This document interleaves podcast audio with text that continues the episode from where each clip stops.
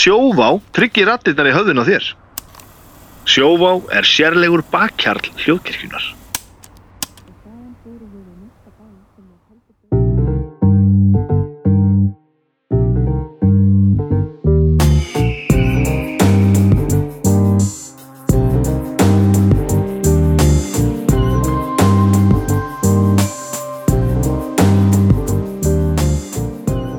Komið í sæl og verið velkomin í bestu blötuna. Ég heiti Baldur Ragnarsson, uh, ég er uh, upptökustur bestu blötunar, eigandi og allt saman. Gleðileg jól! Uh, Eðileg jól Já, gleðileg jól áfram Jésu, áfram uh, matur, áfram drikkur. Áfram konfekt Áfram konfekt. Já, við erum bara í miðju kafi Við erum bara í...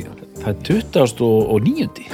Við, glem, við glemdum að að kvitta út síðast með hérna, jóla heilla óskum Já, já.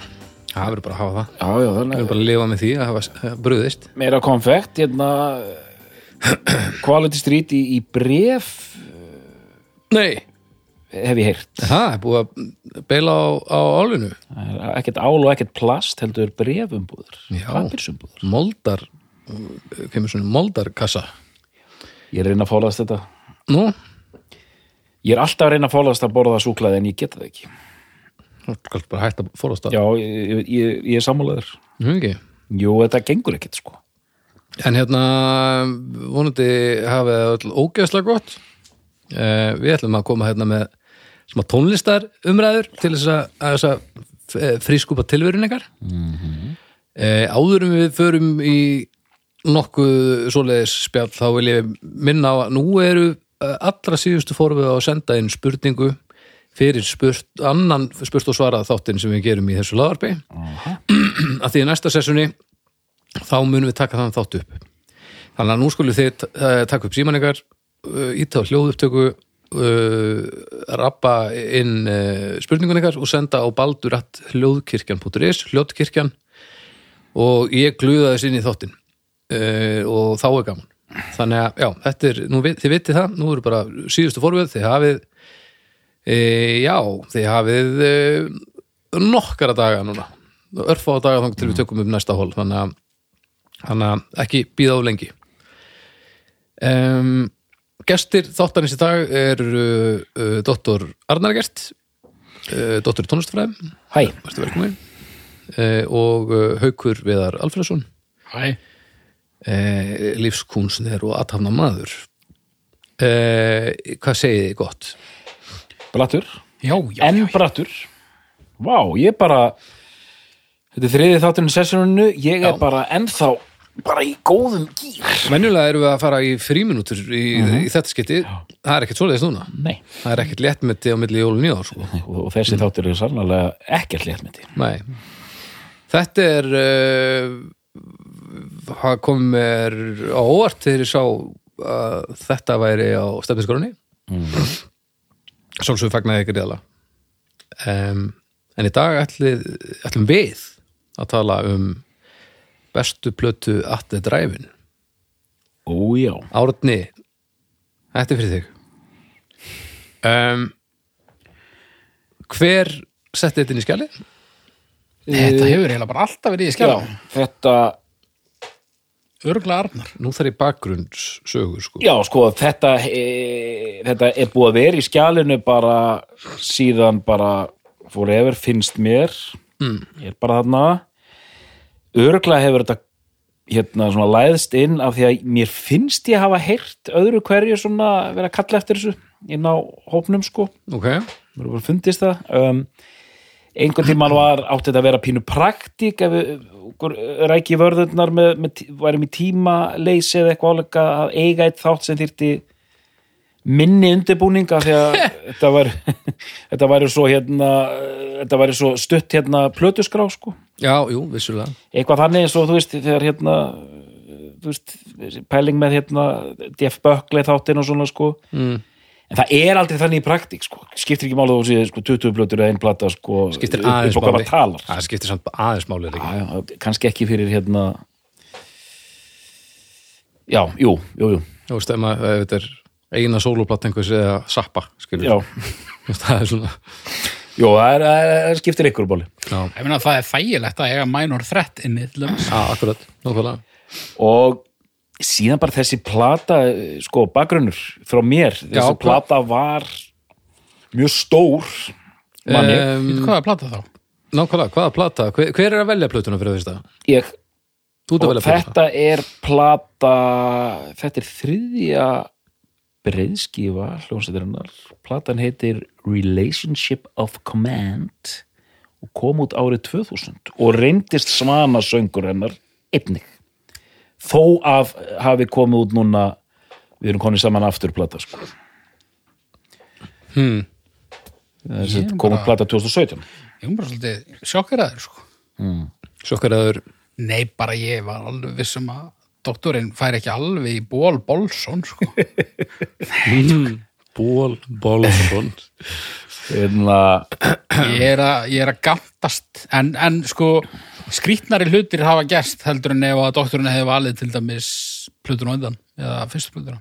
Já, já, og vissulega, vissulega, sérstaklega, en uh, hvernig var svona uh, þinn stemmar í gagvart bandinu áður en þetta verkefni, þú veist, velur uh, þekktur þetta eitthvað?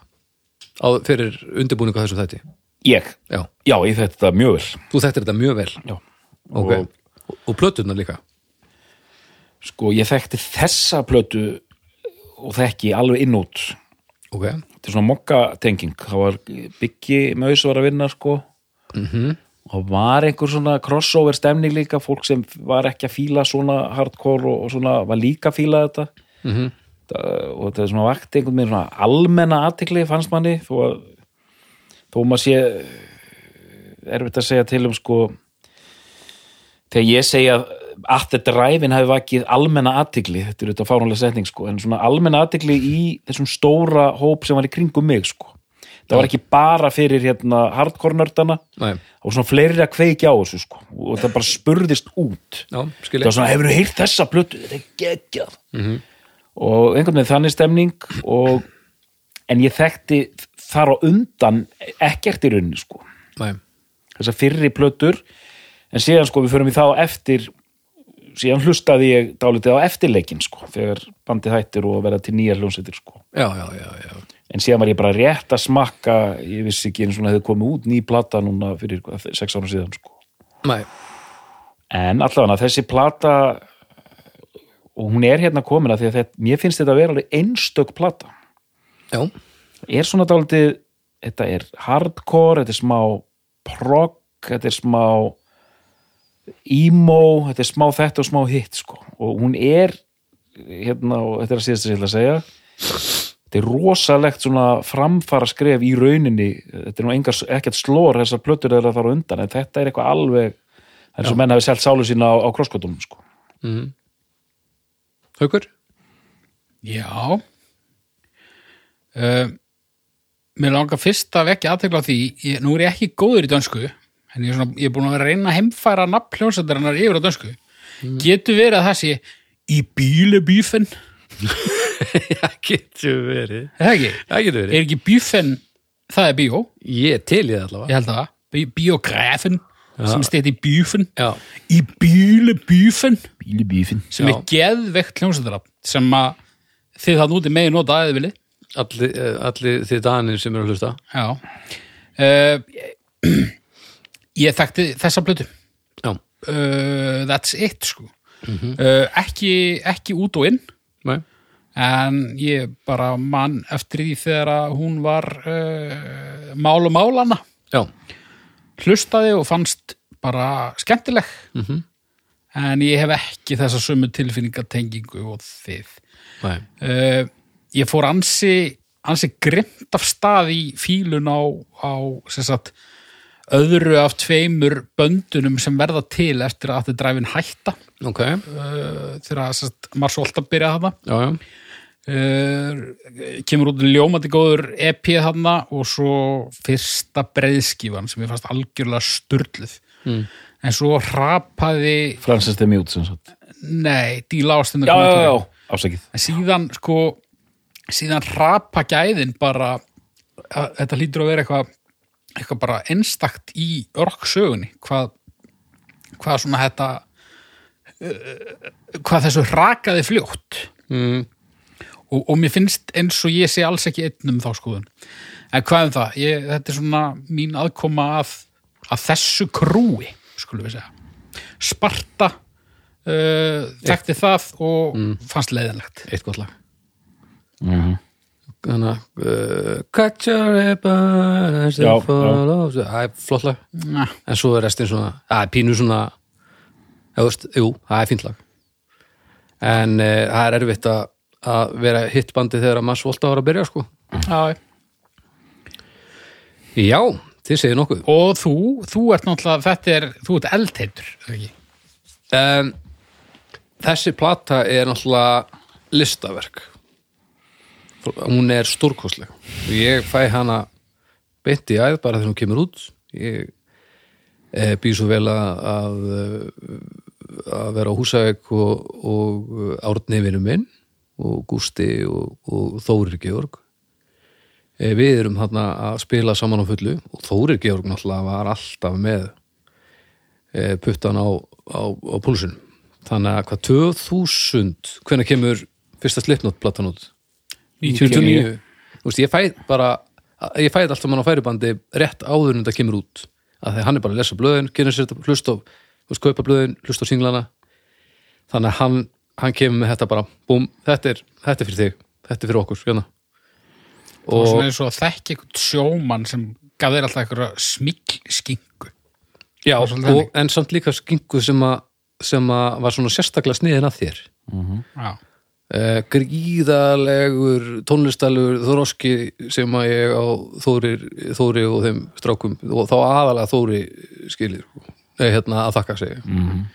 hann var alveg óbóðslega framælega í tónlistalum þróska og við fengum að nöttöku þess að því sko. og var hann að kaupa sér geisladiska þá? Já, grimt. Og bara, já þú veist, ég ég veit af mjús áður en fyrsta plattan kemur í búðir og ha- hann var grimmur og bara alltaf að, alltaf að grúska sko. og þessi platta, ég bara man eftir ég að gott við vorum ekki heima átna þá bara flegina þessi í gang og stórkostlegt. Ótrúð plata og uh, stúd, þetta er tilfinninga þáttur um mér. Stúd fullur af tilfinningum mjög gott, kynþróska vini mínir að hlusta á stórkostla uh, plötu. Hjartaþáttur. Hjartaþáttur, algjör. Eh, hérna við förum þá í eh, bara bakurinn já, þú sext- 16 ára hana í 16 ára og þið hérna sem er að hlusta og það hlakkar í ykkur ég veit að Slipknot gátt plötu 97 sem fór lítið fyrir. Já, það er ekki fyrsta plata Já, við erum ekki, við erum ekki að tala um það. Við erum ekki, við erum lítið í fýblagangi Já, spariði hérna, ykkar. Má ég samt vera með smá Nei, já, þú má það. Hún nefnilega lát 1995 Já, já, 95 Ná, vá. Ok. 95? annars, já, annars allt rétt. Nema hvað, já, bakgrunnur Eða 96. uh, Sorry. E, Já, Þetta er ekki um slipnót Já, nei, þetta er hérna Við erum, já, ég, ég, ég segi bara El Paso. El Paso, Texas. Texas. Og Vá, þú veist að því að Já, Texas, þetta er rísa ríkið þarna. And you will know us by the tale of death. Þeir, þeir eru líka frá Texas er. Já, getur verið. Ég, ég er ekki góður í að vita neitt um böndin Nei, sem ég hlust á. Það er ótrúlega til að vita þær voru frá Texas. Allavega, uh, komnir hérna El Paso hérna, El Paso sveit hérna, allt er dræfin Mhm. byrjar sko 94 ef mann rétt. Mhm. um, og uh, fyrstu tónarnir og það sem er að gera fyrsta hérna EP-platan heitir Hell Paso er, þetta er svona ró, ekki rólegt þetta er, þetta er svona emo, indie rock í anda um, Sunny Day Real Estate og þessar hljómsveita. Er, er þetta ekki rétt hjá mér? ég hlustaði ekki á þessa EP-blötu og þetta er svona þetta er, þetta er frekar basic þannig músík, þetta er svona bara hardcore en svona melodist hardcore? Já, alveg uh, indi, töluverið indislag síðan Já, já. og þetta emo, emo dæmi svona þetta er real estate og hérna og það er svona fugazi í þreifingar líka sko. Mm. og söngurinn í þessari miklu ákefð. Já, og mikið öskrað og, og röddin er hátt uppi. Og þeir syngja hann alltaf tveir hérna Bixlerinn Mhm. og einhver gítarleikari hérna sem, sem leiti sem spörtu um hann rétt sko mm. og ég ætla nú ég, ég er að muna þessu nö- nöfn sko, söngvarinn er Sidrik eh, Sidrik Bixler Za, já, Za, Zavala já Sidrik Bixler Zagara, eh, sko, og, og já, hann og Ómar Ómar Rodríguez López, López. þeir eru þetta svona Ómar, já, þeir fara saman til, í Marsvolta Já. já, Ómar er hvað, hann er uh, kemur að Mex, Mexi já nei, hann er frá Puerto Rico. Er það Ómar? já, Ég ætla að vera auðvut, já, ok. Þannig að þeir, það er hérna suðrænt blóð. Ómar frá Puerto Rico og hann uh, Cedric kemur frá um, Mexi, Mexikoskum uppgrunni. Já, já, uppgrunna, þannig að það er suðrænt blóð í æðum þarna. Uppgrunni suðrænt æði blóðum og, og, og hljómsveitin verður svona svo fyndi að sjá þá svona á setni uh, hérna alveg undir endan þá eru hérna tveir svona hérna latino flipsterar á síru og þeir eru auðvitað að stopna sírubandið og síðan eru svona þrýr venjulegir gaurar, þannig séð og auðvitað stopna þeir venjulega bandið sem er Sparta sko. Þannig að þetta er svona tvískipt eh, sko band sko en að sjá þá að höldum okkur við tímalínu og eh, sem sagt 94 eru þeir bara þarna. eru Hinojos, þá að Tony Hayar og Keely Davis uh, Keely Davis kemur hann inn bara í uh, alveg undir að síðasta, þetta er Já. svo final line-upið já, einmitt og einhverja mannabreitingar Tony sko. og Paul, já, miklar mannabreitingar í gegnum svona, mm áður en þetta fyrir af, stað sko.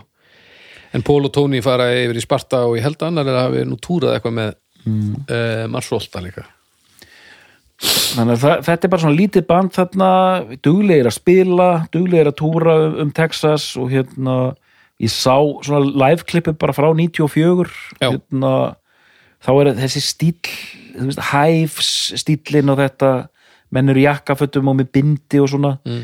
en brjálað viltir með, með hérna, litað hár á sviðinu sko og og það þarf svo sem geða miklum tíma í þetta þessa fyrri tíma þannig að það kemur önnur EP-plata ári síðar, tveimur ári síðar eitthvað svo liðis Já, Tim Ward. Já, tíma valdið mitt Já, ekki gleyma honum kannski. Hann var nú Já. stjórnpartur þessu og hann fyrir Sparta. Uh, uh, kemur, út, kemur út þessi hérna, Hell Paso síðan bara ári síðar ef mann er rétt 95 kemur hérna EP-plata líka sko. Mm. uh, og gott að það kom ekki þriðja sko EP-platan áður en fyrsta breyskjöðan kemur. En þetta er allt svona það verður svona betra hægt og sígandi. Ég vil bara mjög hægt og sígandi. Þessi fyrstu EP-plöður eru þannig sér basic indie emo rock. Mm. en síðan lendum við þarna á fyrstu plötunni sem kemur út 96 Mhm. heitir eitthvað, hvað heitir hún? Acrobatic, Acrobatic Tenement.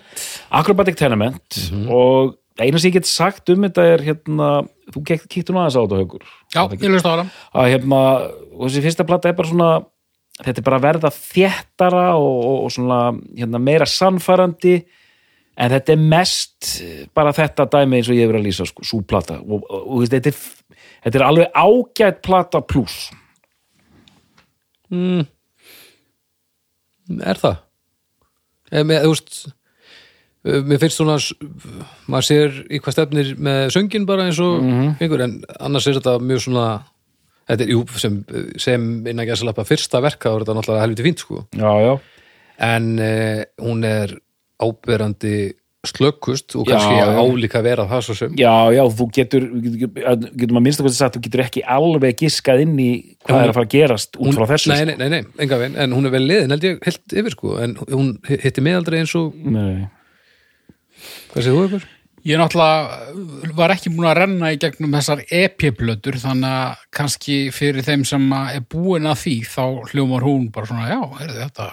Já, það er bara engin undirbúningur. Það var alltaf aðeins að batna hérna en, en fyrir mig að heyra þessa plötu sem ég vissi ekki eins og að verið til sko. Þá fannst mér þetta bara svo, svolítið svona svolítið svona kraftlítið. Já, uh, í samenginu Ef þú er heitt já. hana, hlustaður fyrst Nei, þú er náttúrulega lengur búin að heyra hitt já. þú veist, það var einu eina plata sem ég var búin að heyra. Það var þessi plata sem við erum að fjalla um í dag. Já, ég vissi að það komið plata undan. Ég held reynda bara að það hefði verið ein plata. Ok. Og ég vissi hvorki að þessari nýja þessari endur komið plötu Já, en þegar ég heyri þetta núna þá heyri ég svona uh, bara hljómsitt sem var mögulega geggjuð live Mhm. sem að er að taka upp lögin sín á uh, bara liðlega græður og, og, og þannig, þú veist, hún, hún bara svona hún skilar ekki Nei, kraftinum sem að ég held að hljómsittina hafi mögulega búið yfir þarna. Nei. Ef hún gerði ekki þá, þá kom hann setna En mér finnst lagasmíðanar vera að því að þú varst að segja áðan doktor að, að platan sem að þú valdir væri svolítið sérstök. Mhm. hún svona, hún, ég, það er ekki margar plötur sem er eins og hún. Nei, mér finnst þessi fyrsta plata að vera svolítið eins og margar aðrar plötur Hárétt, þetta er, hún hljómar eins og þessi tónlist var á þessum tíma sko. en söngurinn vissulega littar þetta aðeins en, en þetta er samt sögumlög eru bara meira hefbundinni og svo sem ekki að því það bara hendar mér að vera sko. Já, þetta er bara ein af þessum plötum þannig. En svo er hún líka bara svolítið svona innbyrðis einhæf, finnst mér. Já, en, en ekkit, ekkit drast nei, nei, nei, nei, alls ekki en það er ofbóðslegt stökkið bara yfir næstu blötu sko. Já, en, en næsta plata, við ekki bara fara beint í hana, Jú, jú hún er náttúrulega bara fyrirtak, sko. Já. Hún er bara drullu skemmtileg og tindarnir á henni eru helviti góðir. Já, ég hafði aldrei hert þá Já. og, og Það- það, það er mitt komur óvart að, að ég byrjaði núna bara á þessari fyrstu blötu Mm. Svo bara beint yfir í næstu. Og ég held ekki að þetta væri meira bara svona stígandi jæmt og þétt sko. Já, en, en þarna er miklu stærra stökk heldur en yfir í þriðu blötuna finnst mér. Já, þarna, það, þetta er alveg sama band og í þriðu, þriðu plötunni, Já, ekki jafn góð plata og ekki jafn drífandi, hún er ekki jafn og klik, en, en elementin eru komin, sko. já, Þessar gítarlínur út um allt og, og þessir, þú veist, þegar þetta tekið niður og verður allt svona e, hvernig, það er komin sérstaða Já, það er komin þessi sérstaða sko. Já, þeir eru að verða betri og langar greinilega til að semja krefjandi lög og svona, það komi bara eitthvað svona æ, fatið, það er bara, það er- bara svo, þetta er svona rísa, sko þetta er bara svo eldgós sem er að hérna, Já. fara í gang, sko En sko, eh, ef að í saminginu hinn platan þá er þessi ekki jafn góð en þessi plata er ógeðslega góð. Og ef að fólk þekkir plötunum sem við erum að tala mest um en ekki þessa, þá er full ástæða til þess að fara og tekka vel á henni. Og ég held, ég svo sem veit ekki um það en ég held hún hljótt að vera helviti vel liðin almennt er ekki? Þessi plata nummer tvö? Já, Jú, jú, Er ekki? bæði af hérna þetta, sko ég get í rétt ímynda mér að aðdándur fíla þetta alveg bótt, sko, en hérna fyrir utan relationship of command, þá er þær eru ekkert í umferð þannig, sko. Þetta er svona, Nei, nei. þetta er svona þín plata, Baldur, sko, og, þeirra sem fíla bandi, sko, já, já, og ég svona efast um að fleiri, mikið fleiri viti af þessu, sko. Já. Já, þetta var náttúrulega sko, þetta sprakk heldur duglega út þarna á þriðuplötinu. Ég ímyndað mér að margir hafi bakkað allavega meitt, sko, og ekkur er mitt svona meira kúl en ég, uh, fóru í hana líka, já, en það eiginlega kom mér alveg óbúðslega óvart komið fannst hún skemmtileg, sko. já. Og Líka hérna- því að það er bara ára á milli fyrstu plötunar og þessar Já, Við erum bara 97 og 98 Og ég er svona að pæla hvort ég að velja hana bara til að vera óþólandi við ykkur, já. sko. já Þú veist, Mér langaði óbúðslega til að enda þar, sko, en ég, ég, ég, ég, geta eiginlega ekki, sko. þá ertu bara að vera með stæla til En að hún er, stæla, sko. mér finnst hún alveg bara, þetta var alveg spurning, sko. Já, ok en hérna, en nei Já. Og hva- hvað höfðar tíðin í plötunni? mér finnst ég bara, mér finnst bara spöngið vera komið sem að einkenni þriðuplötuna Mhm. nema að þetta eru þetta eru bara önnur geggjulög sem ég hef aldrei heyrt út af því að ég hef aldrei heyrt þessar plötu Já, já. skilurðu. það er náttúrulega að spila líka inn í Algjörlega en, en nei, svo þegar ég tók síðan relationship strax og eftir í fyrsta skipti í þúsund ár Já. þá heyrði ég líka munin bara ok, þetta er þetta er aðeins meira pungspark Já, já. svona, og það er eh, hlaðið í sko, það kemur út EP-plata 99 þetta er væja eða eitthvað svo Mm, hún heitir, já, Væja, er ekki? já, e eitthvað Það er gula, gula platan. Já, Þarna með útvarpinu, appisinu gula. Mhm. Já, og svona allt í hérna, allt í grænum sjó. Ég vissi ekki neitt, við vorum bara hérna á Íslandi já, ég held að þessi diskur bara kom í Japis og síðan bara hvort það var smári tarfur eða einhver ma maður bara heyrði af þessu sko Mhm. og hérna ég bara ég er að tengja þetta ég var bara mjög hrifin sko, ég var ekki byrjaðar að hlusta á hardcore, þetta nýja hardcore 2000 hardcore eða neinu viti sko ég Nei. var uh, dálítið svona þú veist, maður var að eh, tjekka á hinn og Hvað þessum gott er á þér haukur? Hvað djöfusis Æ, ég, ég, ég, fór bara að hugsa um atvik sem áttist að ég gæra fyrir það Segðu frá. Smári tarfur mætti á spjalliði og bara sendi mér mynd á tónleika með það. Maður Extreme. Eitthvað, sjá núna ég bara já, geðið bara já, þetta er bara eh, bara í kvöld, nei, þetta er á morgun. Ég fór að skoða með hann hann út í Berlín og sá bara bara reyndar stóða það á þýsku en þetta voru mest magnis númer. Og ég bara nei smári þessi tónleikar eru í kvöld. Og hann bara ó, það er ég að tjóða maður fuck shit, bra, takk. Vel gert. Hann, var búin að kaupa með hann og hann hefði bara mist af þessu ef hann hefði ekki, ekki sagt mér þetta Vel gert, góð björgun. Hann að fara á Extreme tónleika. Já. Extreme, ekki besta band í heimi. En bandi heimi já, og gí, gítarleikarinn. Er það, er það grínast? En það er efni í annan þátt. Ok, ok. Nema hvað, Já. uh, hvað eru stættir já, byttu Innkvæðu sínu á átjá. Við erum að já, já, já, ég var að segja, ég var, ég var ekkit maður var að tjekka á einhverju þá var að gauka þessum slipnóti disk að manni og svona. Og ég er þetta um gamall maður þetta, sko, baldur, sko, Ég- Hundaður. Bara alveg, sko en hérna en þú veist, ég bara, ég seti þessa plötu á og þekki allt þetta dót, Fugazi og Minor Threat og allt þetta dótari, þannig ég skildi alveg hvað var að gerast, en ég var ég fannst þetta rosalega kraftmikið, svo ég byrja bara að segja það Mhm. og við erum að fara að segja ímislegt um þessa plötu sko, en hérna byrjar hérna, er ekki Ark Arsenal Mhm. með svona er eitthvað svona noise já, Já, byrjaði náttúrulega bara á, á trommum og eitthvað svona. Og svo og uppbygging og séðan kemur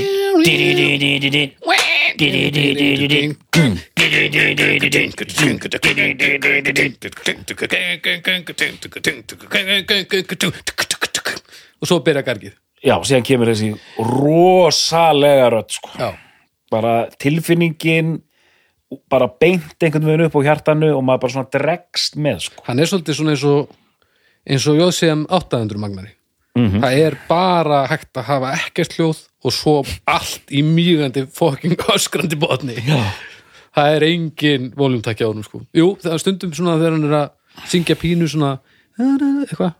En þegar hann byrjar að aðeins að þenni sig allt á miljón og þetta er alveg fer aldrei á milli mála hvor syngur það hvor syngur hvað? Af því ég þekki hann alveg þegar hann er að taka þessa dæmigerðu Cedric vokala en þú veist, maður ma gerir alltaf greinamunið það ekki, það er engin rödd þarna sem að þú heyrir þetta vel Hann er alltaf þarna- jú, þú gerir alveg uh, Þú heyrir þetta í, hann er aðeins hær, nei, hann er aðeins dýpri, þetta er þarna Jim Ward sem er að syngja, er ekki rétt að mér? uh, ha, jú, það getur verið. Bara með svona aðeins flatari rödd Já.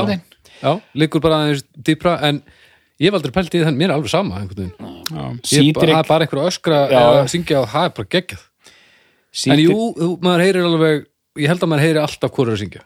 Sítrik kemur hann inn í, þetta heyrist sérstaklega í One Arm Scissor, sko, þá er Sítrik með hann la la la la la la One Arm Scissor, þá kemur hann hérna Ward, hérna Get away, get away það er hann sko og það er einmitt svolítið cool út af því að Já, þó að svo rödd sé bara svona frekar venjuleg já, að koma einhvern veginn svona keirið kontrastar. já.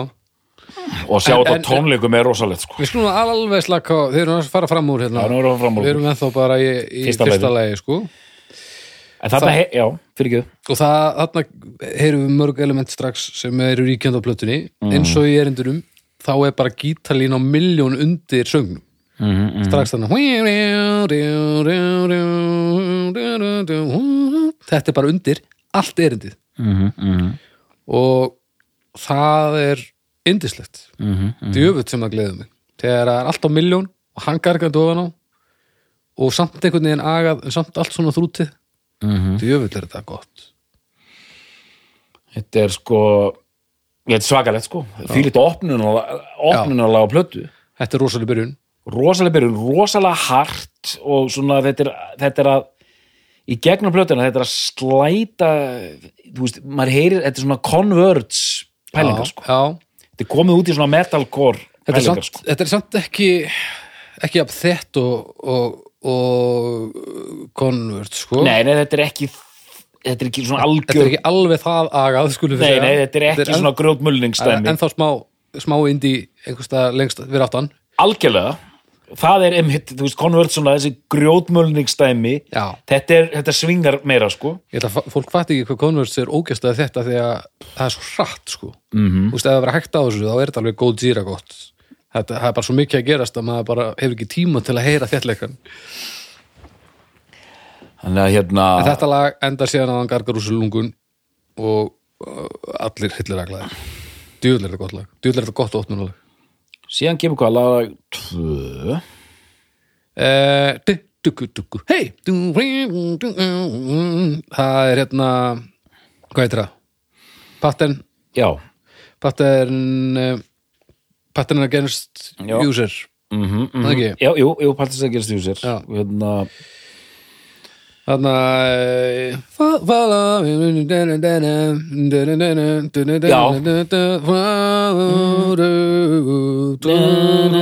na, já, þetta er mjög melodist sko.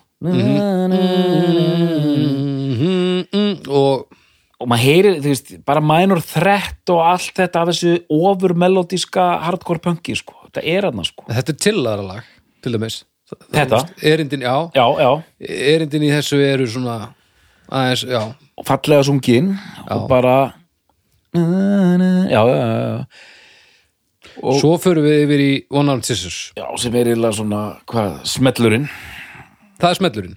Eða það er svona eitt af svona þekktasta lagið sko og þeir tóku langþæktasta leið Það var það? já, Já, já, já, ég hef ekki hugmynd um hvernig fólk upplifir þessa plötu. Ég er algjör að þetta dræðin bólur sko. þetta Já. er bara lag sem þú bara þú heyrir þetta bara á X-inu bara 80 sunum á dag í mörg ár sko. já, já. og þetta, já, þeir spiluðu þetta mikið í, í svona sjó, sem að Exið hafi uh, náð til húsauk og ég er ekki að grínast á þessum tíma sko þetta var spilað í svona sjónvarsþáttum og tal, talþáttum og lalala þegar hérna bandið er bara spring út og þetta lag er sko rosalegt sko mér er svo Já, gaman þegar sko. Mér er svo gaman þegar bönd eiga svona showcase lag Já, eins og þetta er. Já, algjörlega. Þetta er bara bara hérna bara hverju geta hvað? hvað hva heitir Frans Ferdinand lagið hérna, stærsta lagið. Þetta Já. er, svona, þetta er svona þannig lag. Bara lag sem showcasear allt sem bandið stendur fyrir bara nú þurfum við að koma fyrir í þessu lagi Já. allt sem allir gera sem gerur okkur á okkur Já. já, já, já, þetta er algjörlega þannig Og þess vegna þrátt fyrir að þetta sé bólalagið, Já. lagið sem allir þekja þá finnst mér þetta, þetta kemst helvíti hátt á lista yfir bestu lögin út af þetta er showcase lag Þetta tala um hann að take me out ég er að tala, já einmitt. það, það er showcase lag Frans nákvæmlega. Ferdinand, alveg bara En í þessu lagi til dæmis þá hérna uh, heyrir maður líka vel eins og þetta Get Away garg þarna mm -hmm. þetta er svo þetta er svo í svo undarlegum tónum þetta oft er sungið þetta er náttúrulega uh, alveg í aðra við að vera velfalst já.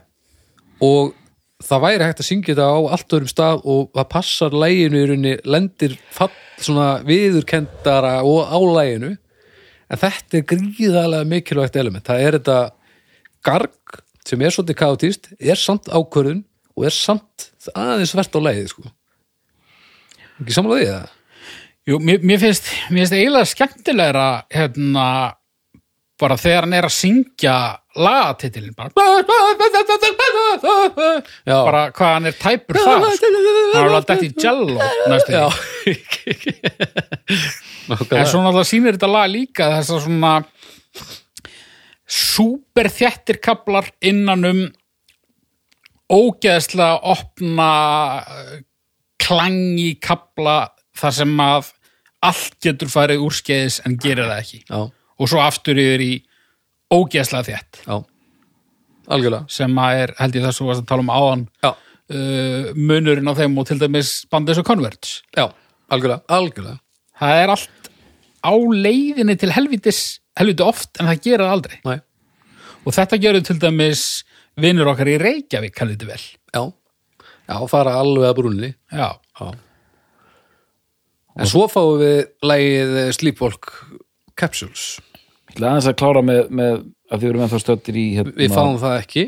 Við, förum, eh, við bökkum um eh, eitt og við förum í One Hand uh, Scissors. Já, ég er bara rétt að nefna með það áður um fyrir byrður í næsta lag að hérna að ég horfði á nokkra live-klippur að þess að er að flytja þetta lag og Já. hérna svo merkilegt hérna, ég ætla að orða þetta varlega það er líka í mjög ákveðin skilningi. Þeir, þú veist, það er nána svona það er svona pop vingill við það bara til dæmis hvernig þeir lúka Mhm. þeir eru fallegi menn, töff, flottir og hérna þeir eru ekkert out of place þeir eru að spila hann í lettemann eða hvað það er en þeir einhvern veginn koma með til fjöldans þetta sem við sáum alltaf á tónleikum þetta, þessa hardcore sprengjur á sviðinu. Mm. þeir Ómar og Hanna Sítrik eru eins og sko bavíanar á sviðinu sko. hoppandi og, og, og, og hlaupandi utan í trommusetti og það er allt gjörsamlega sturlað sko Það er að húa þetta mjög impressiv að sjá þetta sko. Og það er þetta síðan, þú veist allar þessar hljómsættir, þú veist, iAdapt og, og, og þú veist utan Minor Threat á tónleikum og Black Flag og allt þetta dótari sko. Þetta, þú, þú ert hættir að sjá munin á sviðinu og áhöröndum og, og það allt sko. Já, ógeðslega flott, en já, lag, lag fjögur. Já Sleepwalk Capsules. Já, nú þurfum við að rifja upp laglinuna sko. Það er besta lagi á plöðunni Það er þannig yes, Ég held að það séu ekki margir hætt úti sem er saman um mér hvernig er það áttur? Það byrja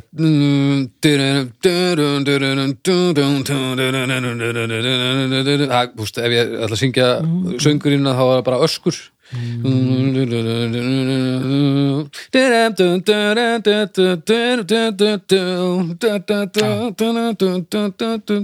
Svo kemur svona svona niðurkabli og það dreymir eitthvað svo kemur og þá kemur aftur byrjunarkablin nema svona einn ein, lína á gítarstreng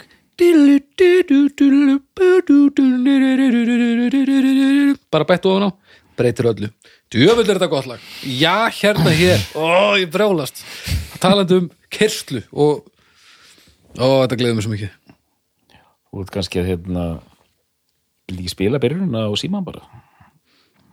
Ég man hvernig lag þetta er sko, þetta er ekki besta lag á blöðunni. Jú, Nei, nei. Þetta er eitt af þeim. Nei, nei, þetta fólk bara tekkar á þessu svolít þetta er bara, Já, og uppáðslæðið þitt, já, þetta er eh, besta lega plötunni já, besta lega blöðinni uppáðslægi mitt. Svo fyrir við eh, Invalid eh, Litter Debt þetta nú við já, er það ekki hérna er það ekki Dancing on the corpse Talkabli. já, það er hérna Já, það lag, já, emmitt það er, hérna, það er Parklife þegar þetta dræfum hana það er hérna Sleeping on the corpse's asses Dancing on the corpse's asses og svo Vissin vel, vissin vel, vissin vel, vissin vel Það er smá hérna Það er pínu slint í svo lagi sko Já og er það svo kemur Dancing on the corpse's Dancing on the corpse's asses Du-dum, du-dum, du-dum, du-dum, du-dum. Loka kablin í þessu lagi er rosalegur tekið tilbaka og þar uh, flaggar hann öllum sínum öskrum Djö, þegar hann hleður almennilega í djöfull getur hann öskrað ha, gott lag sko þetta er svakalegt sko. Já, já. Þetta var manni líka spilað í útvarpi. Ok, Skrítin hljómsveit. Já, skrítið lag. þetta er geggjað lag en það, það er svo rólegt í erindurum og eitthvað svona. Alltaf þessar línur undir, gítarlínur. Hann alltaf bara töða og svo alltaf leist upp í einhverju svona kyrslu og þeir eru að draga sko áhrif þetta er svona pínu post-rock element sko. Þarna, þessi rólegi, draugalegi kaplu sko. Já, og þessar gítarlínur þú veist, minna mig líka bara á veist, lesa við faf og eitthvað svoleiðis. Mm. eitthvað svoleiðis steg Já, langt sem ég er þetta Lesa við fara eh, Svo fyrir við Mannequin Republic. Það er lag, nú þarf ég aðeins að taka hérna, það er, ok, ég dyrka hérna, það er eiginlega það lag sem ég er orðin hrifnastar á. Já, Það lag er svo fucking intense Já. að það er bara ekki eðlilegt. Nei. Ég bara svona, mægin bara fer upp hérna í hálsin, sko, þegar lagið byrja, sko. já, Og það kemur hérna, veitu, hérna, melodían er hérna, hérna, hann tala um hérna in this burial ground. já In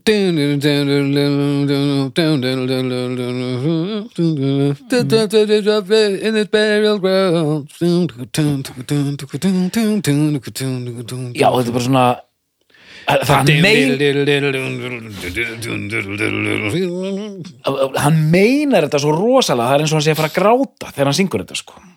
Og maður hugsa bara hvernig taka menn svona vókala bara í, í upptökubúðinu það er eins og hann sé að deyja sko þetta er bara ótrúlegur rattperformance sko. Ótrúlegur, sko. það voru nú yfirleitt ekki að ég ætla að skella sko Vímugjafar Já, hafði ég ætla nú samt ekki að skella það er alveg hægt að gera þetta án vímugjafa.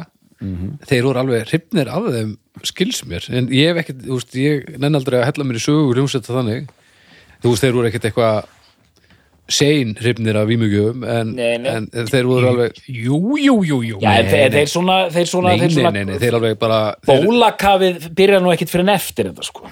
Er þarna eru þeir Er fóru helviti djúft sko. já, en Já, eins og heyri þarna þarna er já, er, þarna á í relationship ákom það er svona the tipping point sko.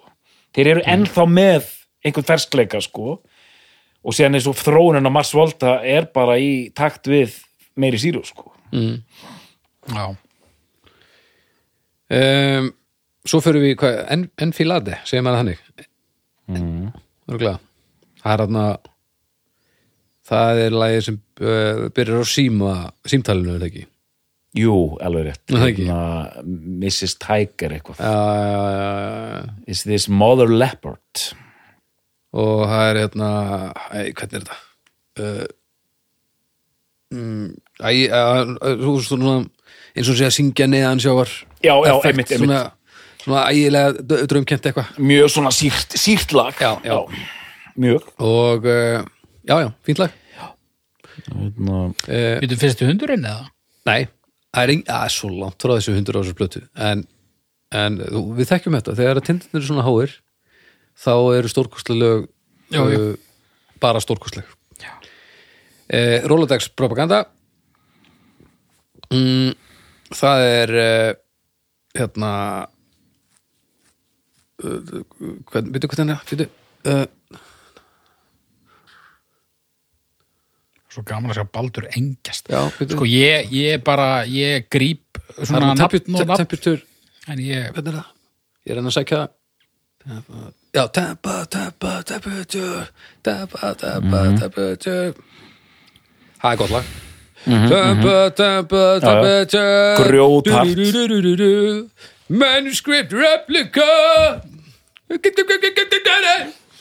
Alveg rétt. Manuscript replica.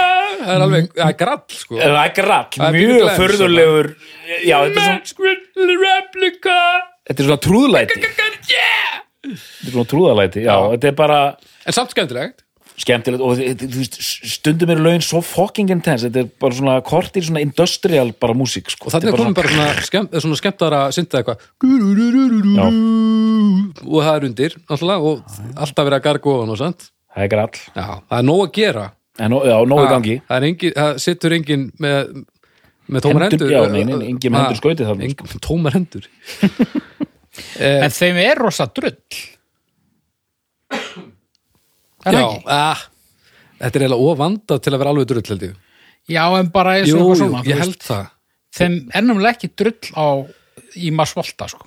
nei, þá eru líka orðinni listamenn þar Og eru þar byrjar- eru þeir í stellingum þar sko. byrjar alltaf fall allra það er þeir að fara að upplega sig sem fokkin listamenn já, já en mér finnst þetta svolítið svona ég tók svolítið eftir þessu við þá og kannski finnst mér st- stærsti munurinn ef við tökum bara uh, sterka byrjun Mars Volta versus gríðar öflugu endalók Atten Dræfin mm. að kannski helsti munurinn er sá að Atten Dræfin er meira drull. Já, Já, ég meina klálega þeir, já, þeir, þeir, eru, þeir eru ekki orðin svona rosalega meðvitaður um sjálfa sig þar sko. Ég er alveg þakkláttur fyrir að þegar þeim fór að verða fór að vera með til og vera drulla þeir hafi fært það yfir á annað projekt. Af því að það er voða gott að þessi platta hafa komið og það varð ekkert svona vísir moment. Það sem maður byrjaði að hafa óþól fyrir eldra efninu af því að það sem tók við gerðum hann brjálaðan já, af því að vísir sem skrifast klála á mig ég var brjálaðir við vísir og hlustaði ekki á bláu eða pinkurtón í langan tíma af því að það var svo mikið rusl sem kom á eftir að mér fannst. -hmm. og það er svo galið bæði að hugsa þannig en það gerðist bara og það hefði örgulega gerst þá líka með þetta þannig að gott höfum að færa það bara yfir á Mars Volta. mögulega en, en, en þetta, það var, voru náttúrulega var það ekki svona svolítið ytri aðstæður sem voru kveikjana því að þeir hætta er það ekki, það var ekki það eitthvað hérna ég er nefnilega að þekki ekki nákvæmlega nei, ég söguna, gera það sko. svo sem ég heldur byrjum að klárum að fyrir gerum plötuna og svo skulum við kíkja í dúskin mm. það ekki mm -hmm. Absolutt eh, Quarantined það er hérna rólegt drömkent svona. Ok, um, ekki hundur ekki mitt uppáslag en mér finnst líka róleg lög oft leiðileg sérstaklega hjá hljómsutum þar sem að yfir drifin kyrsla er það sem gleður mig. -hmm. en e, ég til dæmis mér sleppið ekki því að hlusta á plötuna. En ég myndi aldrei setja bent á það nei, ég skil en það meika sens en væri plata betri ef að lægið undan og læginu eftir væru klast saman ekki með þessu lægið mitt uh, uh, nei Nei. nei Ok. hún er helviti hún er helviti vel balansur sko. Já. Cosmonaut En finnst þér þessi rólegu lög gott bara púst í rauninni eða? hmm. Finnst þér gott að pústa með Já. rólegu lögunum? Sko? já, Þetta er svo ríkalega intens sko. já, sko róleg og róleg er ekki alveg að samanleika en já, þa- þetta er til dæmis nei, nei, ég þarf ekki pústið beint sko Nei. en þetta gefur bara- þessu svona, það, þetta til dæmis gerir gera lögin sitt hvort megin við enn betri að sé smá svona Þetta bara gengur upp Já, þetta bara gengur upp sko. um, uh, Hvernig hérna er Cosmonaut? Það er uh, það er hérna Happy and then ever Það ekki mm. Hvernig byrjar það? Happy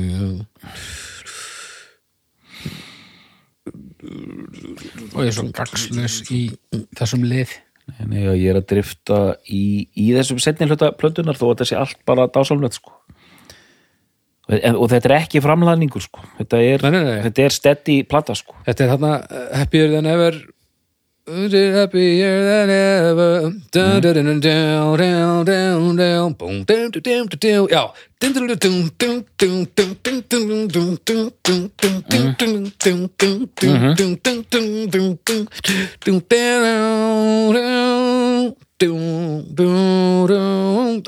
Þetta er eitt af bestu lögurum plötunni Línan undir, allt á miljón og þetta byrjunar riff Það er um frjálaða er allt byrja bara, eða snirlin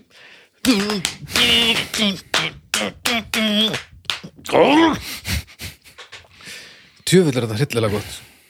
Og tjöfull er, e, e, sá sem er að hlusta á þetta núna og þekkir þetta ekki, þá er þetta bara vittleysa. En ef þið farið og hlusta á plötuna þá vonaði þið upplifa saman og ég upplifi þegar ég hlusta á þetta gang gerir stundum þegar maður þegar maður er innan um svona semi-jafnaldar sína og þeir taka eitthvað einn svip bara já, í eina sekundu og þá svona þá sér maður svona verran þegar maður er gamall næs hafið hafið upplifað þetta? Nei, Þetta var að gerast núna. Nei. Þú tókst eitthvað eitt svip og ég sá nákvæmlega hvernig þú verður er svona 85 ára. Hvernig verið Ég get ekki leikið eftir. Nei, en ég meina var þetta í eða varstu, Já, varstu já. leiður eða varstu graður hvað ég var bara glaður. Ok, gott. Já, ég sagði, ég sagði það. uh, já, þetta er eitt, þetta er eitt besta lega plötunni. mm. ekki spurning. Og þetta er samt þriðja síðasta lega plötunni, þannig þetta er alls ekki framleðningur. Um, Non-Zero Possibility. það er, það er skrítilag. Er það ekki hana sem er alveg svona karnevalstemmari? Uh, doktor, ég, Ok. nei, nú er ég hérna Uh, ég man ekki nóg til að söngla. Það er, það er eitt af þessum lögum sem að uh, er bara fínt. Ok, ekki stórkostlegt, mér finnst ekki ja, stórkostlegt og lægi á undan til dæmis. En lægi á undan er svo, ja, líka svona stórkostlegt að þegar sitt hvort megin við að eru þessi tvö lög. Annað sem er tekið rólega niður og hitt svona aðeins skrýtnara. Og svo erum við komin í lokalæði sem er Catacombs. Aha, einmitt þar erum við með ævintýrlegt riff mm.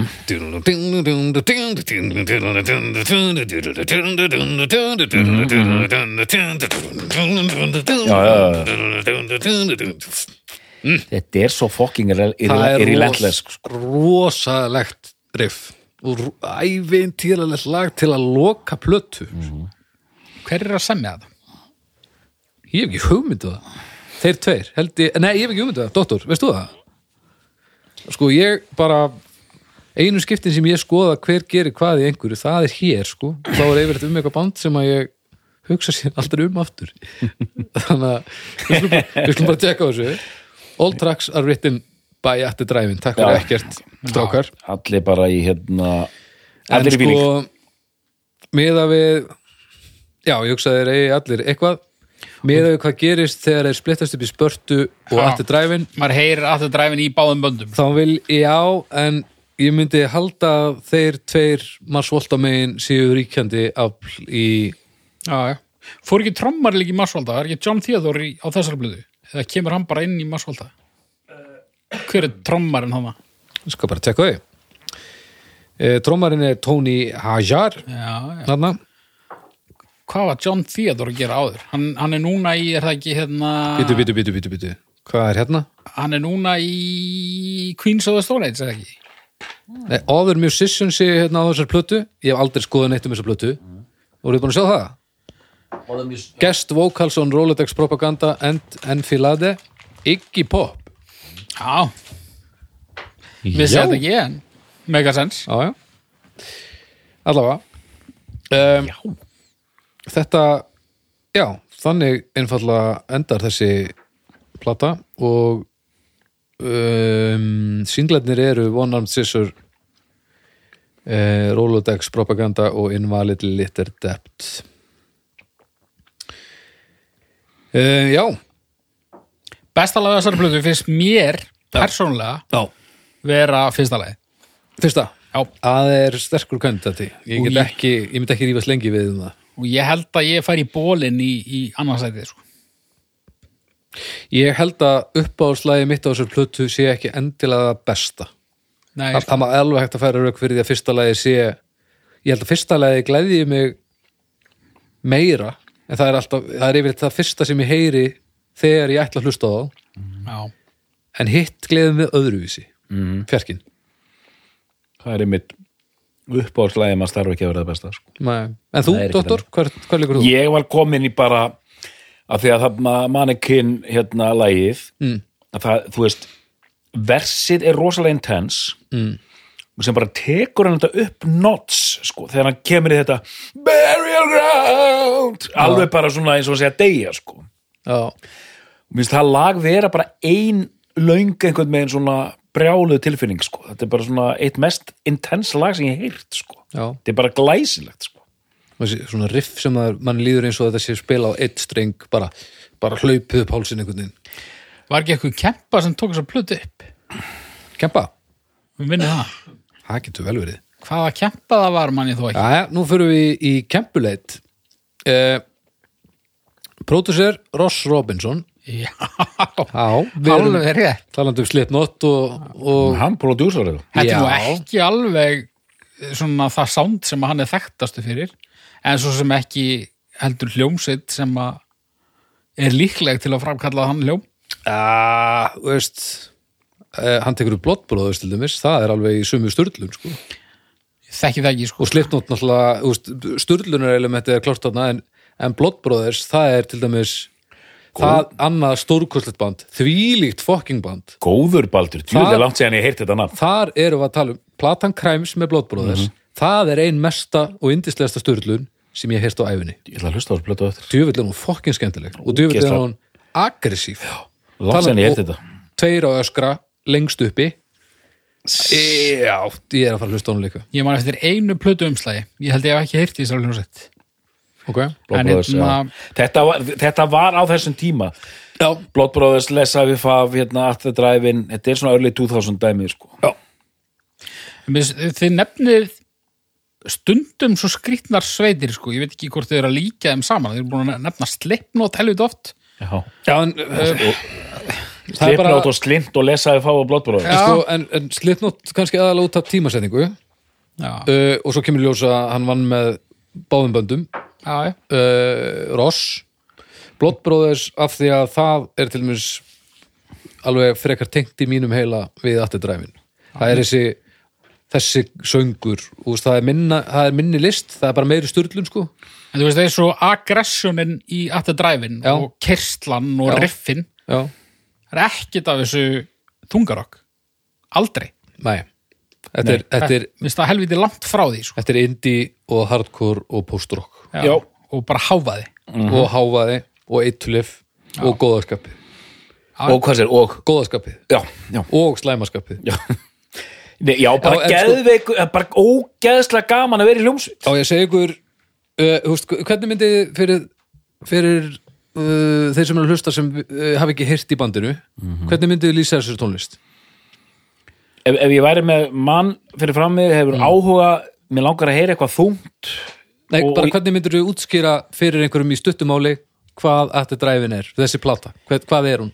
skraldormur, kaktus Já, uh, sportreiki já, og eitthvað fleiri svona stereotypur. Ég myndi, segja, ég myndi segja að þetta væri gríðarlega ástríðufull tilfinningaþrungin rockplata.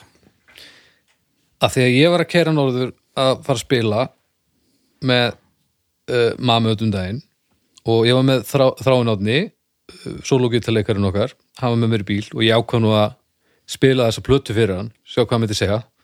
Og ég var eitthvað ætlaði að fara útskýra fyrir hann hvað þetta væri okkar og ákvað bara að setja hann í gang. Hann var búin að hlusta á svona holla og sagði hann já, þetta er svona þetta er svona talking heads á styrum og það það sum, ég sagði bara já þetta, það sumur er helviti vel upp veist, svona þetta er nokkuð gott. bara meira garg og svona svona- endalaus og, og veist, það, það, það gefur alveg svona smá tón sko það er svona kakofónist en agað já, já og alveg Svo, svolítið gól. Gól, mikið gól en alveg hugsað mm. og vandað en alveg skrítið og, og kaotist sko. Og allar kaplaskiptingar og slöfur og snúningar þjóna Já. dæminu. Algjörlega, mjög mikilvægt. Já, sko, ekkert rung ég fer alltaf að rángfólu augunum þegar fólk fyrir eitthvað svona, já, þú veist, maður heyrir alveg í tónlistinni, maður heyrir bara Texas, hérna El Paso eitthvað, eitthvað við svona yfirleitt algjört frat, sko. ég hef bara aldrei heyrt í El Paso, ég veit ekkert eftir hverju ég er að hlusta á Nei, nei, en, en og ég ekki heldur, en, en mér finnst ég heyra það þarna og, og sennilega er það bara eh, heilinn að gera eitthvað rángar tengingar en, en ég er svona, ég verð sveittur á milli raskinana og svona upp eftir bakinu og, og svona uh, heyri svona í skraldormum og, og þú ert þar, já. Já, Já, þú þú finnur eðmerkur hitta pínu sko og, og, og Já. það er ekki að fyrst sem að þetta er með Texas, þú veist, Texas, maður hugsa bara með eitthvað hillbillies. Nei, það er samt alveg pínu eðumörki í Texas sko Já, en, en svona tónlistin frá Texas er yfirleitt svona hillbilly megin Já, já, meira, já. sko. En þegar ég er að tala um úst, eyðumörk þá er ég ekki að tala um uh, bókstaflega eyðumörk heldur svona fílingurinn, það er pínu svona Já, já. En þetta er einmitt meira svona, þú veist, bara eh, sterkur matur og, og slæm eiturlif og hiti og einhvern veginn. Mér, mér finnst þetta sterkur matur. Já, ég, ég er samfélagi skila sér svolítið í músíkinni. Að ég fór að hugsa um hérna þegar þegar Homer borðar eitthvað svo sterkan chilipipar, hann verður. Já, ó, það er svona svolítið aftur dræfin eitthvað. Gekkjaður þáttur. Gekkjaður þáttur Hann hérna ber vaks utan á varinnar á sér og innan í skoltið svo hann geti gleift þennan pippar Já, og fer síðan á sírutripp og, og kemur hundur sem Johnny Cass talar inn á fyrir. Já, það, var pottið þurft að stoppa tökur einu sinni að tvisar til að koma einhverjum svona einhverju slöngu út úr stúdíunni glæða pottið Bara að slangaði gítið það mínum. En ég líka, sko, þetta Þetta er okkur, sko að einmitt, þetta er eins og þið lístu þessu þetta er, þetta er ekki þungarokk þetta er einhvern með þess að það er. En hérna, þetta er líka mér finnst þess að þetta væri að einhver leita sína mainstreamunum hvernig svona hardcore getur virkað. En þeir eru ekki hardcore lúðar þú veist, það voru fullt af hljómsveitum hérna á Íslandi svona hardcore lúðar Mm. og, og líki Ameríku, Ameríku öll þessi bönd djúlaðar heita Hatebreed og hérna derhúfu De- derhúðu hardcore Það er ekki derhúa í þessu sko nei, það er, það er ekki engi derhúðu lúðar í, hérna, í, í, í, í körfubolta hérna, skýrtu þarna sko þannig að þetta eru töffarar Við skulum ekki, við skulum ekki samt skýta yfir nei. hardcoreið, sko. Það er bara annað, sko. Það er annað það er bara annað, annað. meina Earth Crisis og allt þetta, ég elska þetta allt saman sko en þú veist, það er ekki hættulegt sko. Nei, nei, það eru bara einhverjum menn sem að líti út eins og þeir finnst þetta hættulegt. Já, mér finnst það. Það?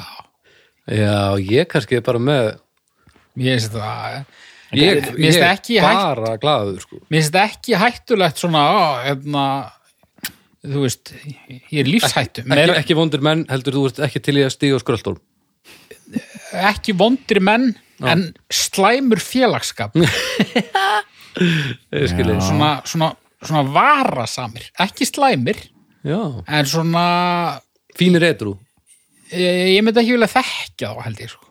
Ok, en mér finnst það, eins og þeir tveir hann á tímburarnir mér finnst það- mér að svona svolítið grallarar sko. Já, en það er, það er ekki sko, grallarar og síru er vesen sko. En sko ég bara setja mér í stellinga mm. þegar ég heyri þessa plötu fyrst og vissi eiginlega ekkit um þetta síðan er maður búin að vera að fylgjast með þeim og þetta er náttúrulega bara einhver, einhver, einhver lúðar. Já, já, en þarna þá er þetta bara svona og auðvitað er þetta líka þú veist, eitthvað svona ég að koma frá bara hvíta Íslandi og, og þeirra hendinn í e- eitthvað eitthvað kultúr sem að þú tengir ekki við svona tónlist skilur, Já, þetta er allt rosa framandi og heitt ekki- og sveitt og Máttu þetta ekki líka glemma því að þú er eitt megnin af þinni æfi í að vera óþálega hrættur já, já, og að því ég, var, var bara glaður, bara strax bara frá því að heyrði þetta en þú veist þetta, þetta bara svona passaði ekki inn í neittna ramma sem að ég þekkti strax Hvað er þetta? Stikki sólmur? Nei! já. Nei, skilji Já, um, því svo... út af því eins og þú segir bara þú veist þetta Chromax Matball þetta dót allt, þetta er bara innan rammans mm. Bara, þetta er bara þekkt stærð og þú veist bara hverju þú gengur. Þú komið þarna bara eitthvað svona bara, og þarna, þa- þarna vil ég líka þeim við Converts til dæmis.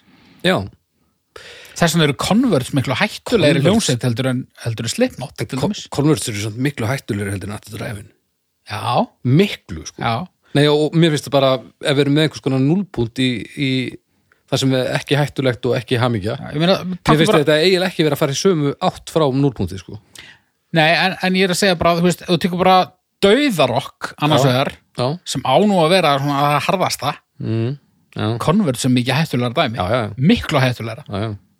og eins og með þetta og, og hinn innan gæslega hardcore-böndin Mhm. þetta, er, þetta er svona skuggalæra eitthvað, Já, ég, veist, það er svona vilt ég sammálaður með Converse en mér finnst þetta vera uh, fari að, þetta finnst mér farið að rátt sko. okay. þetta, þetta fyrir meira í þetta er svona mitt, já, meira hamingjum megin heldur en Já, megin ekki, þú ert að skynja hann það er gáski og það eru lög þarna sem eru þarna eins og flippaða lagið þarna sem að syngur eins og eitthvað Já, líka bara þegar við, á- kannski á þessum tíma þegar við erum að spila, spila hardcore tónlist Já. og ég tengi þetta bara við það var ekki eðlilega fokkin gaman sko.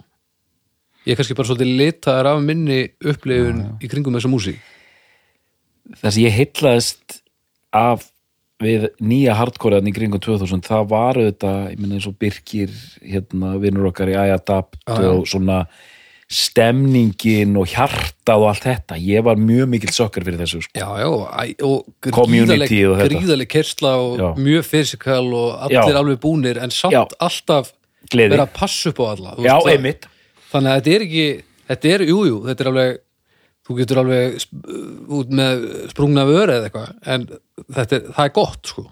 En skinnið þetta með allir dræn, ég held að þeir hafa ekki passað upp á neitt sko. Nei, þeir voru töffarar sko. Já, já, en ég, hæ, já ég svo sem hef ekki séð á live heldur eða neitt sko. Þe- þeir voru ekki með þetta community vibes sko, sem við erum að tala um í þessu, þessu hardcore þannig. En hérna hvernig þeir eru upp á sviði, tónlistin upp að einhverju leiti, þú veist bara er alveg að tala við hardcore senuna en síðan eru þú veist, sex aðri hlutir í gangi hérna, já, þetta er dræfin sko en þú veist, mér, mér finnst þetta að vera að fara í áttina að Rage fyrir eitthvað en Converse sko Já, kannski. en það kemur svolítið óvart að því ég fylgist Reits er samt rosalega agað. já, þetta er alveg frekkar agað En inn á milli er þetta algjörlega út um allt, sko. Nei, ja, við, við þurfum ekki að rífa en, en hérna uh, hversu stort var þetta þetta heima til dæmis? Að því að ég, Þetta er dræfin, já, að því ég er bara húsæk sko. ég skal segja það. Eitthvað stort, sko. þetta var segi, þetta var hardcore senan og einhvers konar þungarokk sena og fólk sem var að leita sér einhverju edgy rockmusik stökk á þetta. Ok, en ég tók eftir því einhverjum svona gaurar sem eru kannski hérna, þú veist, millistjórnendur í einhverjum banka og fíla Radiohead já þeir gátt alveg nálgast þetta sko. Já, Já, þetta er, þetta er Ég vissi það ekki. Ég er að segja, þér, þú ert of freddur sko á þessum tíma það var, nefnilega- þú veist, það var þú veist, þetta, þetta var svona token ég, ég á Moby Disk og Air og Massive Attack, Messanine og Radiohead og hérna Cranberries og Ha? síðan á ég hérna at, að, síðan á ég líka hérna að þetta dreifin Í alvörinni? smá Smá? Já. Ok, ég, þetta kemur mér óvart sko þú sér þetta af þessu sem ég taldi um að þetta dreifin eru þetta fríkaðasta platan Já, þetta er flipplatan þetta er algjör, þetta er flipplatan sko Já, já. en, en samleðar áhrifið þú veist svona menninni sem að fimm árum áður eh, hefðu rátt prímus. já, Já, já, já, já, og, og, og, þetta er svona, og þetta er alltaf útspil að hérna þú veist, þessi millistjórnandir í bankanum sko, þaðan eigi Benz með Radiohead gerir hann alveg geð síkislega flippaðan sko. Þannig að hérna að þetta dræfin þá er hann bara orðin bara velsýrður sko. En, uh, ok, hvað svona samþykkt utangarstónlist Haldið þessu margir búin að býða þessu þetta? já, Þú heldur að, já? Ég held mér finnst eins og ég hef séð komment við og við sem eru svona sturgluð komment. Bara alveg bara að þetta sé bara það besta eða verð sko. Já, og ok. Ég veit ekki hvað þessu margir hafa verið að býða eftir þessu en ég held að margir verið glaðir að fá svona hardcore þátt af því Þetta það hefur ekkert verið mikið hérna í, í, plötunni sko ekki mikið hardcore sko. Ertu samanlega að þessu einhverju að býða? Það er einhver að býða held ég, já, já, já, já. En, en ég veit ekki, þetta, þetta samt, eh, eins og þú segir, ég vissi reyndar ekki að þetta hefði verið svona stórt. Ég upplýði þetta sem stórt, Ok en mjög stutt, bara, mm -hmm. og náttúrulega sem kannski skýrist að mjög miklu leiti að því að hljómsveitin hættir þarna bara mjög skömmu síðar. þetta var ekki að matla lengi Men, Nei, getur þú dúskað okkur aðeins með hvað hva gekk á? sko, því, sko, og þetta gekk ekki á lengi að því að ég er að segja, sko, þessir hérna, þessi millistjórnendur voru að kaupa, sko, hérna Moon Safari með Air í 2-3 ár, sko. Já, já, já, já. Uh, ég held að sé rétt sem haukur er að segja að þetta kemur inn, rosa spennandi, menn kaupa þetta og síðan bara einmitt hættir hljómsveitin fljótlega, Já. þannig að það er engin eftirfylgni þannig séð, sko. Nei. Og síðan bara líður og býður en þessar plötur koma mjög fljótt út, ég held að, sko, Mars Volta-platan, fyrsta EP, það hefði bara komið árið síðar, sko. Er hún árið síðar? Sveimir þá, sko, annarkor 2001 eða 2, sko. Já, þá kemur þessi var ekki 5-6 laga plata eitthvað, sko. Já, grá og gul eða eitthvað. Tremjulant já, jú, Tremjuland Epi Remjuland Því lást er allavega held ég 2003 Nei, ja, jú. Eh, Nei, 2002 2002 er Tremjuland Nú, og Inertiatic eh, er 2003 já, þess að 2002 bara tveimur og það er singull já. Hvenær er því lást? er Er hún einhver- 2003? þetta er einhver pínu funky hvað segir, hvenær er Hvenær er LP-platan? Því lást? Uh, Ekki 2003 af hverju er hún ekki hérna inn á uh, byrju, við þarf að Dílást in the Comatorium. Já, með svona flóitlegu umslagi. Já, ég það bara, hún er ekki hérna, svona, Já, er hann ekki, er þetta ekki stormurinn? jú, jú, ég held það sko. Ég minni fl- þetta, ég auðlaðist inn á Spotify og ætla að finna þetta þar. Það er eitthvað, kom á hérna það, sko. Og það er svona tool feelingur í þessu sko. Nei, ekki strax þarna. Delu- Delused in the Commentary hún er sko 2003 hún er 2003, ok, Já. hún er 2003 þremur árum eftir að þetta dræfin Já. Svanasöngin kemur já, og sko segi vel, hún verður alveg Hún er resastór sko. Og, og, og, og þegar ég segi svona til að róa högans niður, þegar ég segi tool þá er ég aðalega að tala um væpið. Við erum alvarlegir listamenn. Já. En sko fyrsti singull af þeirri plötu mm. það er ekki eðlilegt lag. Þetta er er lag. bæði þessu bara í, í- já, það er ekki eðlilegt lag og það er ekki eðlilegt lag. Það er rosalega gott lag. Þetta er fín plata og bara er, er, fín, bara mjög góð. eiginlega strax samt eftir en mér fannst, fannst þessi fyrsti singull geggjaður. Mm. svo nefndi ég þess ekki sko. Þetta er of mikið list sko. Mér finnst öll platan frábær já sko. og flestir eru það sko. mér, þetta er, ég, ég er að hlusta á þetta sko. mér finnst hún, einmitt, ég, ég rifi hann upp fyrir þennan þátt, ég er bara svona já og ég, ég þekkt hana mjög vel það komur dálítið óvart sko ég þekkt hana alveg inn og út já. en ég, einmitt, fór að sigla burt á næstu plötu hana Francis the Mute en þú veist Já, hún er margar af þessum plut er það ekki, þeim er tekið þeir þetta vel bara, bara heilt yfir eða ekki Jú, þessum maður svolítið plötum já, Jú, svona, eh, jú, jú En það er eins og verði eitthvað smá köld í kringum bandið já, var samt svona hópur held ég sem að var all in fyrst og Já. fór svo í fílu sko. ég veit ekki hversu stór hópur það var en Já, ég ok. var allavega þar út af bara mér fannst þetta bara mér fannst þetta bara svona ganga lengra og lengra í því að vera einmitt bara svona, "Ó, við erum svo arti og það var bara leiðilegt mikið af þessu. Þeir sko en ég þurfti Volta að tekka þessu aftur. plötu- Mars Volta gaf út plötu sko á árinu. Já, uh, og já, kannski mér ég- það er pínu resti að segja að mér hafi fundist þetta slæmskipti þegar að, að þetta ræminu síðan búið að gefa út aðra plötu sem ég hef bara eiginlega ekki að tekka á sko. ég tjekkaði aðeins á henni ég er svona nei, ég Hvernig er hún? þetta var þetta var hart, þetta var svona þetta dræfin leg lög Ok. en ég get nú ekki sagt neitt meira sko, þetta, þetta trublaði mig ekki. Þetta bara rúlaði sko. Ykkur? uh, mér fannst hún bara óbúðslega skemmtileg. Ok, átti ekki von á því, ég var eiginlega vissum að það veri niðurgangur. Ok. Ég var búin að ákveða það. Hún fekk Bara- ekki mér minnir að hún hef ekki fengið frábæra dóma sko. Nei, þú veist, mér fannst hún ekkit eitthvað stórbrotin, en mér fannst hún bara stór skemmtileg. ok, Átti von á einhverjum leiðindum og ég bara, ég, bara grúfaði vel með henni, sko. ég verð að drullast til þess að tekka á henni því að það er, húst það er náttúrulega það er langt liðið að maður er alls ekki að fara að púla vísir á þetta þannig að Maður heyrir alveg að þetta er ekki, veist, þetta er ekki næsta plata á eftir sem kom út 2002, nei, en maður heyrir samt að þetta er samljóðsett. ok, Og það er ennþá kraftur í þessu. það verður gaman að sjá hvað þið sem eruð að hlusta segið um þessa nýjustu plötu já, það verður gaman að fá smá og ég þarf að hunskast til að tekka almennilega á henni af því að uh, er ég að nú allavega skilið sko. þetta er rétt sem haugur er að segja sko og hérna síðan auðvitað hlóðan hérna Ómar í Einu eða tvær sólablötur. eina eða tvær Jú, eina, tvær eða er- 250 er, sko. hann er búin að gera helviti mikið er ekki Já. Jú, og þetta er bara eitthvað djöfla síra sko. það er allir anskotinu ekki Jú, mm, þetta, er, þetta er bara eitthvað svona gítarspinn sko En springur þetta dræfin út af óreglu? Þekkir þú það, dóttor? Mm. Eða þið? Ég þekkti þetta, en ég mani þetta ekki. ég þekkti, ég þekkti þessa sögu bara ágæðlega á sínum tíma En ég Þegar man mann þegar platan kemur út þá er umtalið að þeir séu voða mikið að experimenta að, að búa til músík alveg keksaðir já, já. já, já, bara eitthvað bara, hérna, meðvitað einmitt Já. og viljandi bara hérna, sprautaði mig með músaeitri og tók upp þennan vókal og bara eitthvað svona bull sko. Já, já, síðan það er svona alltaf einhver urban legends í Já, já, kringum já. þetta skilur og, og sítir ekki hérna fer inn í vísindakirkjuna og eitthvað svona sko. Nú? Já. já, já alveg rétt, ég var búin að gleyma því þannig að það er einhver svona LA bull í gangi með framessu Citrik og Beck Góð dag og ég mitt valdi Cedric umfram Beck eins og ég sagði frá í Beck þættinum hann að 2003 Mhm.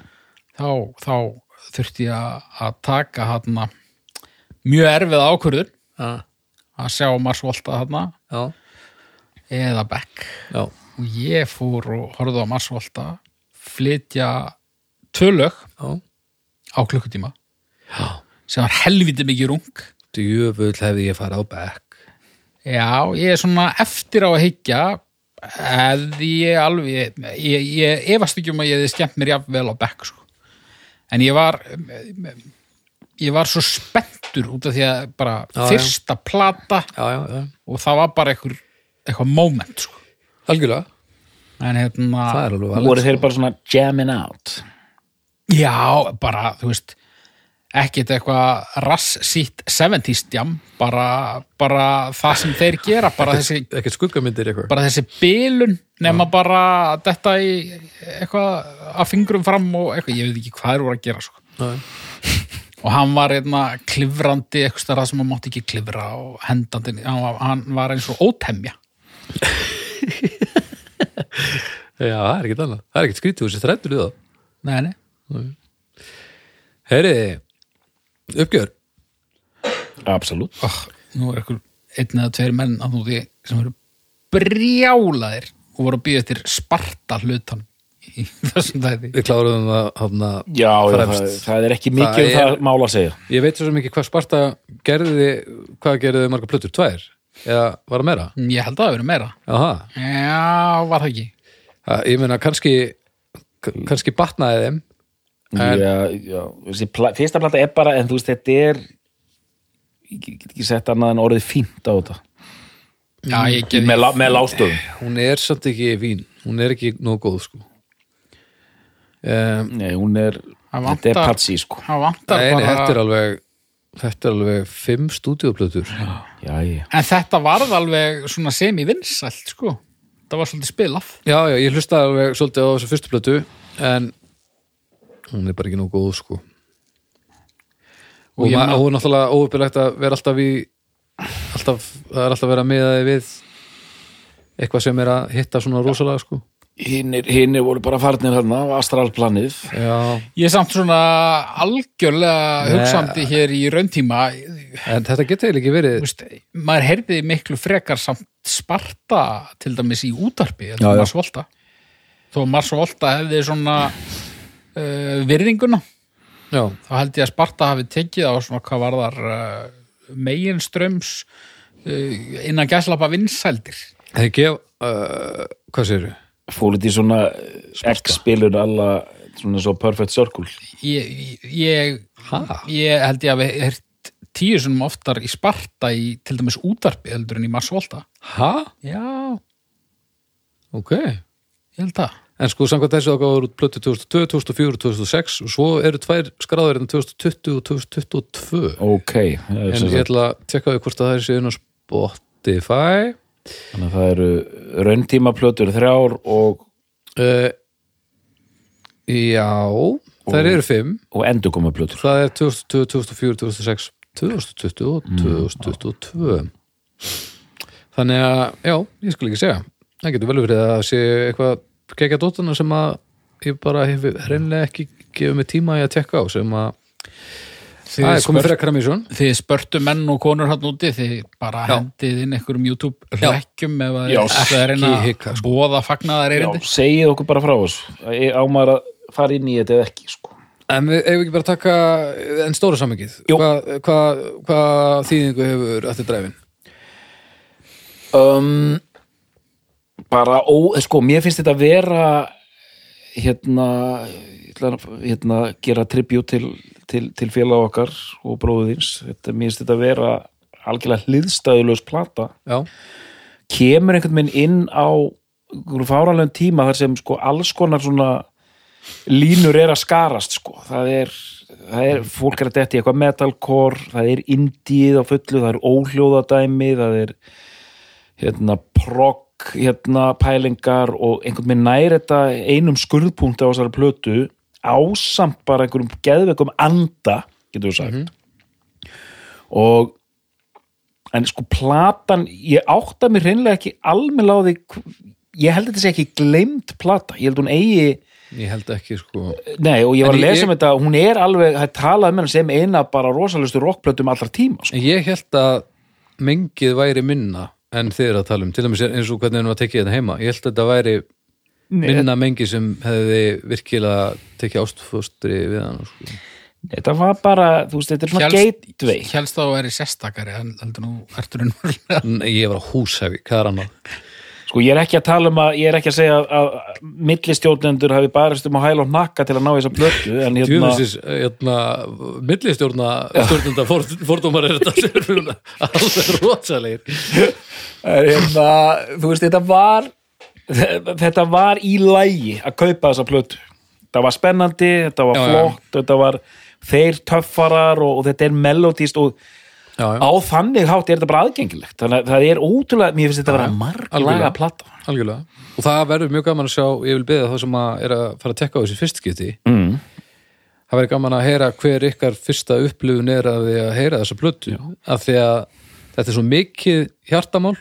Já, og þetta er svo mikið staðsetning hverjir voru þar og hvað hann gerði fyrir mann á þessum tíma. Það verður mjög gaman að heyra hvor- hva- hvernig impactið er þegar maður kemur kaldur að henni í dag sko. og, og ég myndi segja að þetta, þetta er gott dæmi bara klassíska plötu. Já. og því ef þú er 14 ára í dag og hefur smekk fyrir svona músík Já, þá verður það bara blóna vei sko. Algjörlega. Hún, er, hún, hún heldur alveg vatni.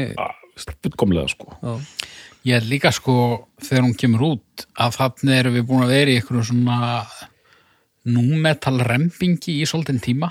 Já, og þarna er það svona alveg ekki verða búið en, en svona það er að dett inn svona stregaskóa bönd þú veist, stróks eru mættir mm. og þú veist, það er svona meira punk uh, ripnar já. street attitude dæmi í gangi svona Já, meiri, og- meiri, meiri drulla og þarna á fyrstu plötunni þá geti allt eins stemt í að þeir færu meiri í þáttuna sko. já. En, en hún kemur hann inn í hún kemur sterk inn í það held ég. Já, já. Heyri uppgjör, uppgjör. Haukur? Já, ég, ég, þekkti þessa plötu sæmilega. Já, hlustaði uh, á hana í fyrsta skipti í mjög mörg ár og ég greinlega, ég þekki hana mun verr en þið svona, ég, ég fáir lagatitlar sem að Mhm. kalla fram einhverjar skýrar tengingar en hún er rosa góð og ég var pínu hrættur um að hún væri ekki jafn góð með myndi og mögulega hún myndi eldast eitthvað kjánalega. Hún gerir það bara alls ekki. Mér þótti gaman að heyra loksins þessa plötu sem kom á undan sem ég held ég, ég vissi af henni. Ég held ég hafa aldrei heyrt hana. Og hérna hún er ekki en lifir í skugga já, ég, bara ég, ég, mun hlusta á hana oftar. Já, uh, mig grunar að margir líti á þessa hljómsveit sem svona eitthvað svona klúður að bara ó, þeir hættu þeir geta orðið svo risastórir. Mm. og það getur vel verið að þeir hefðu geta orðið eitthvað stærri en ég held að þeir hefðu aldrei orðið svona risa risastórir. Það held ég ekki og eins og segi, kannski bara fínt að, að það endaði þarna bara á, á high point mm -hmm. uh, stór hættuleg plata og uh, já það var bara mjög skemmtilegt uh, Dóttor? uh, já uh, þetta er nú komið fram sko mér finnst þetta bara bara einfallega, mér finnst þetta frábær plata, frábær rockplata og fólk sem vil heyra bara hvað er hægt að gera með rocktónlist þegar búið að svona hérna, uppfærana hressilega frá tími Meljons Presley. Ætti bara að hlusta á þessa plötu. Og þetta er bara svona svo í slettið, þú ert bara flort þegar þú setur þessa plötu á þetta er bara svona, já halló, góðan daginn, sko, hvað er í gangi sko, rosaleg orka og ástriða og bara sturlun, sko, á, á jákvæðan hátt, sko, þannig að hérna algjörlega bara briljant og hérna var þú ekki með uppgjör? Já, já hér. Eh, Þetta Þetta er gríðarlega hjartaplata um, fyrir eh, 16 ára og harnaðan unglinga húsæk að búið til músík með vinnu sinum þá var þessi plata kom ofbúslega sterk inn að, að því að hún hún fer ekki beint út fyrir kassan sko. Heldur er svona búið að íta saman fullt af kössum og fokkiðum og, og það var úgeðslega gaman að sjá að því að veist það er ekkert það er engin element þarna sem eru glæn í en samt en, en e, niðurstaðan eitthvað sem maður aldrei heyrst áður. Það var geggjað og, og þessi blata skipti mig gríðalegu máli og hún kemist gríðarlega ofal á lista ef ég mætti velja með eina plötu að enda með á eyði eða eitthvað svo leiðis og þyrst að hlusta á það sem eftir er. Mm -hmm. af því ég hef ekki ennþá fengið nóða því þannig að stórkuslegt blata og stórkuslegt band þannig að indislegt Lang- langar að segja eitt í lokin bara út af því hvernig þið talið. Já, og ég bara, ég, ég vil ekki að það miskilist og að, að þú veist ég, ég, er, ég er ekki að þy- þykjast hafa verið á sama stað og þið, ég, ég var það ekki. Ég fílaði þessa plötu alveg en ég var samt alveg pínu kaldur og, spara, og, at the time, sko. og já, já. þannig að hérna, ég, ætla, ég er ekkit að reyna að pissa utan í einhverjar hérna, einhverjar dúska hérna. En- en- komandi að þessu aftur, já. fyrirtak. Þannig að doktor, er þetta besta plata eftir dræfin? Já, Haukur, er þetta besta plata eftir dræfin?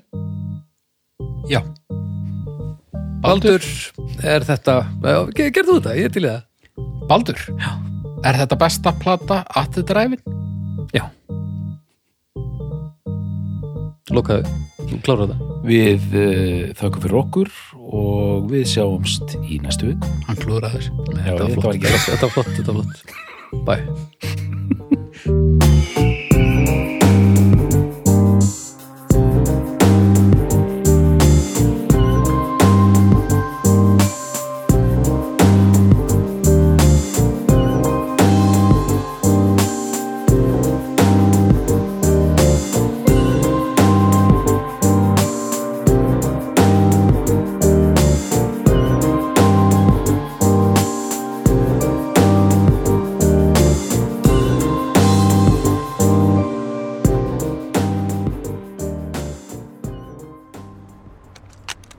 Sjóvá tryggir rattirnar í höfðun á þér. Sjóvá er sérlegur bakkjarl hljóðkirkjunar.